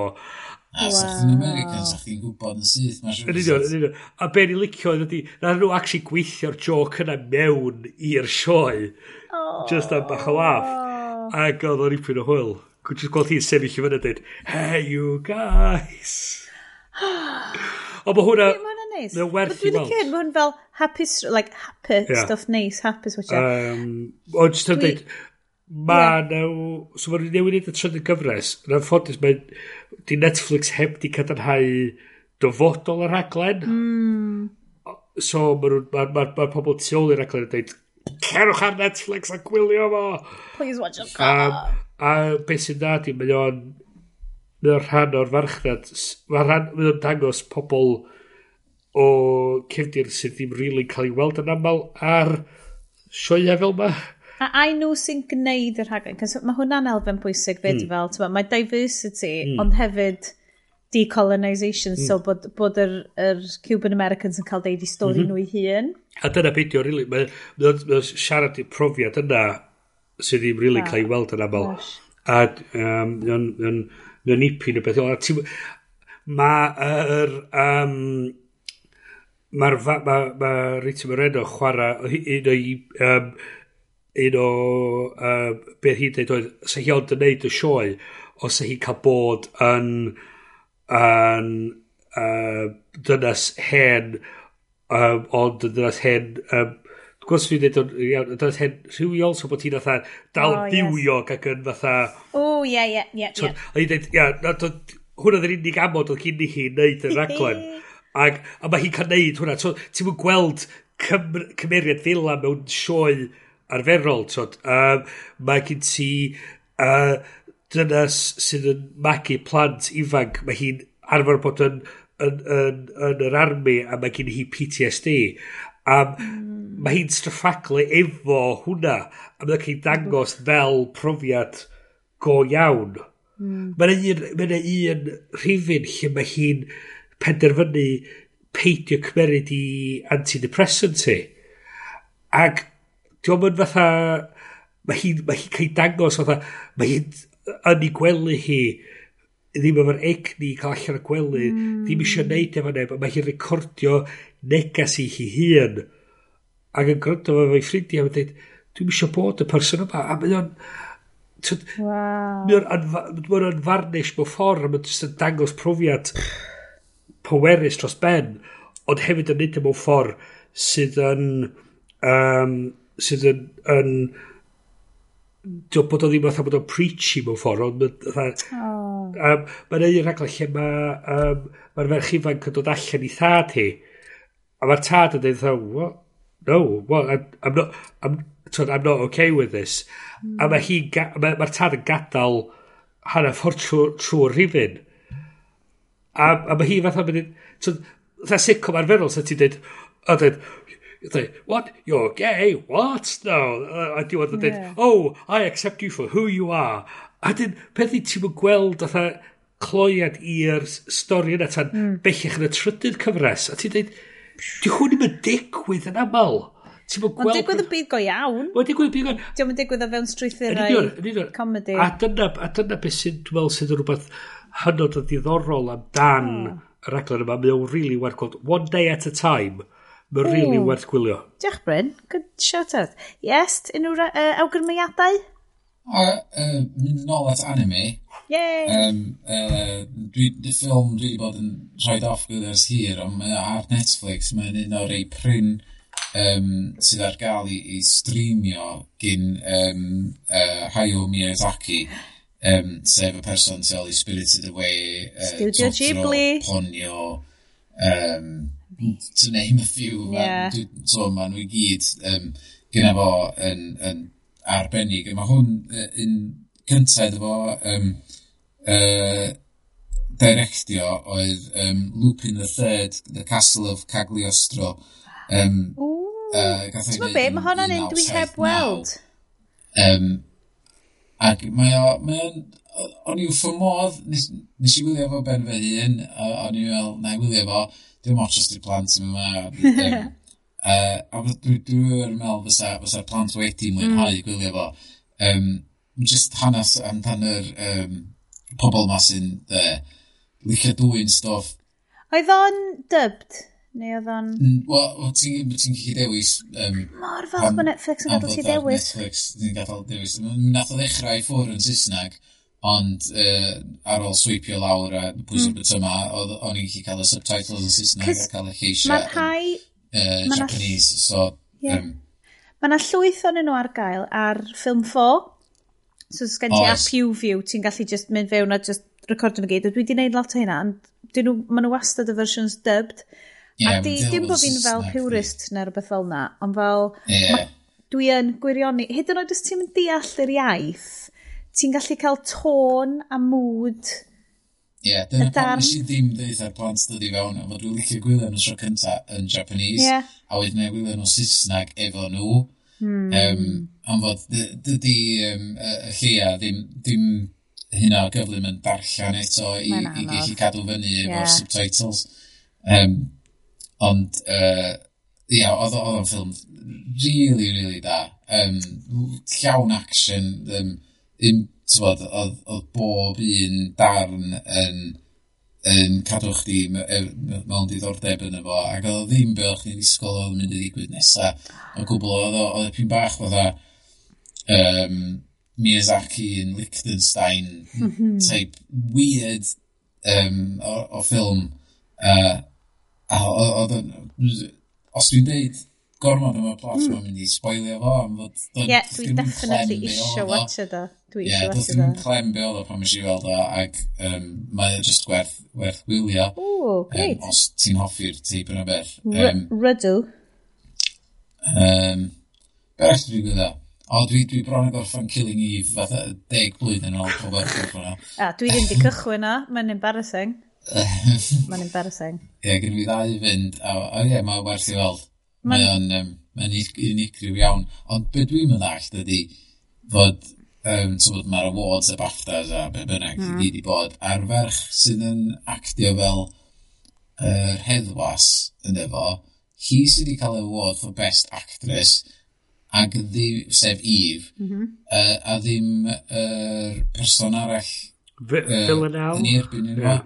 yr, yr assassin ma a dwi'n meddwl bod assassin yn actio hi allan o'r sioe, basically, ac dim hi nath ennill. A dwi'n meddwl, what? Diddorol, mae'n dibynnu pwy maen nhw'n rhoi fyny am yr, yr ward. Yeah. Um, Dyn ni gyd yn falch iawn bod Olivia Colman wedi ennill Oscar. O, oh, ie. Yeah. O, oh, hi'n briliant. Da chi wedi gweld unrhyw o'r ffilm sydd wedi ennill Oscar eto? Na, dwi eisiau gweld The Favourite. Dwi really eisiau gweld Free Solos nillodd y, doc, oh, y pryd dogfen. Ie, uh, yeah, nes i fythu fo yn galeri Dwi'n mynd i weld yn pontio. Pawb, mae'n ymlaen yn pontio mis nesa. Into the, into the Spider-Verse dwi'n unig i dwi wedi gweld. Into the Spider-Verse! Mae hwnna, dde, oh, yn un o'r ffilms gora. Hmm. Just yn gyffredinol. o animation, mae'n hmm. just yn anhygol. Beautiful. Hmm. Mae'n hollol ah. gobsmacking. Be ni liciodd, um, o'na rhywun ar, o Disney di dweud ar Twitter, dwi'n meddwl bod... Um, un o'i ffilms wedi cael ei difynnu, dwi'n meddwl, dwi'n cofio parin oedd o. Mary Poppins o beth? Na, oh, cyn animated. animation, ie. Yeah. Um, Incredibles. Incredibles, Incredibles, ie. Yeah. So nhw wedi rhaid Incredibles i fyny ar Twitter, a dyn nhw pob yn dechrau atab y tweet efo, efo still o Into the Spider-Verse o sp Gwyneb Spider-Man efo fatha Spider-Sense things yeah. sticio allan ond fo Ac o'n i just fatha, oedd o just, o'n o fatha gant o replies ma'n dwad, just pobl yn a just yn ôl, ah. mor anadegol. Ond mae yeah, ma just yr, yr mae bob peth amdan y ffilm yna yn wych. Yr, mm. mm. just y styling, y stori, yr, ac, yr, yr voice acting yna fo, Mae bob peth just yn... Just yn Dwi wych. wedi torri'n wallt i edrych fel Spider Gwen. Ie, um, yeah, yn union. Yn yeah. ddiweddar. Um, Mae'r ferch yn obsessed efo Spider Gwen. O'n i licio um, Nick Cage, Nicolas Cage fel oh, Spider-Man Noir. Noir. Um, jo, um, John Mulaney fel Spider-Ham. O hwnna'n... An... Mae Spider-Ham yn troi anna i. O, o just... I'm deitha ti pam. O just, just, just, yr... Er, oedd e just y dewis, os ydych chi dewis gorau erioed o'r llais i fod y Spider-Ham, um, John Mulaney fysa just yn anhygol. A just y diwedd, lle mae ma, ma tynnu mwrthwl allan, a just yn dweud, roed i, i um, uh, Morales, dweud iddo fo, uh, here, here, keep this. It'll fit in any pocket you've got. a mae'n just yn animated. mae'n ma just yn... Mae o just jokes bach, na. Mila just yn... Just pryd fe, a just ti'n mynd cymryd o'i gyd fewn pan ti'n gwylio fo. Na, dwi'n rech mlaen brynu fo. Yep. Siwr yn ddod allan os nesaf. Ffor ce. Ar dyledu'r... Ffor ce. Hogia. Mae bron yn Ie. Ydy, Mae'r...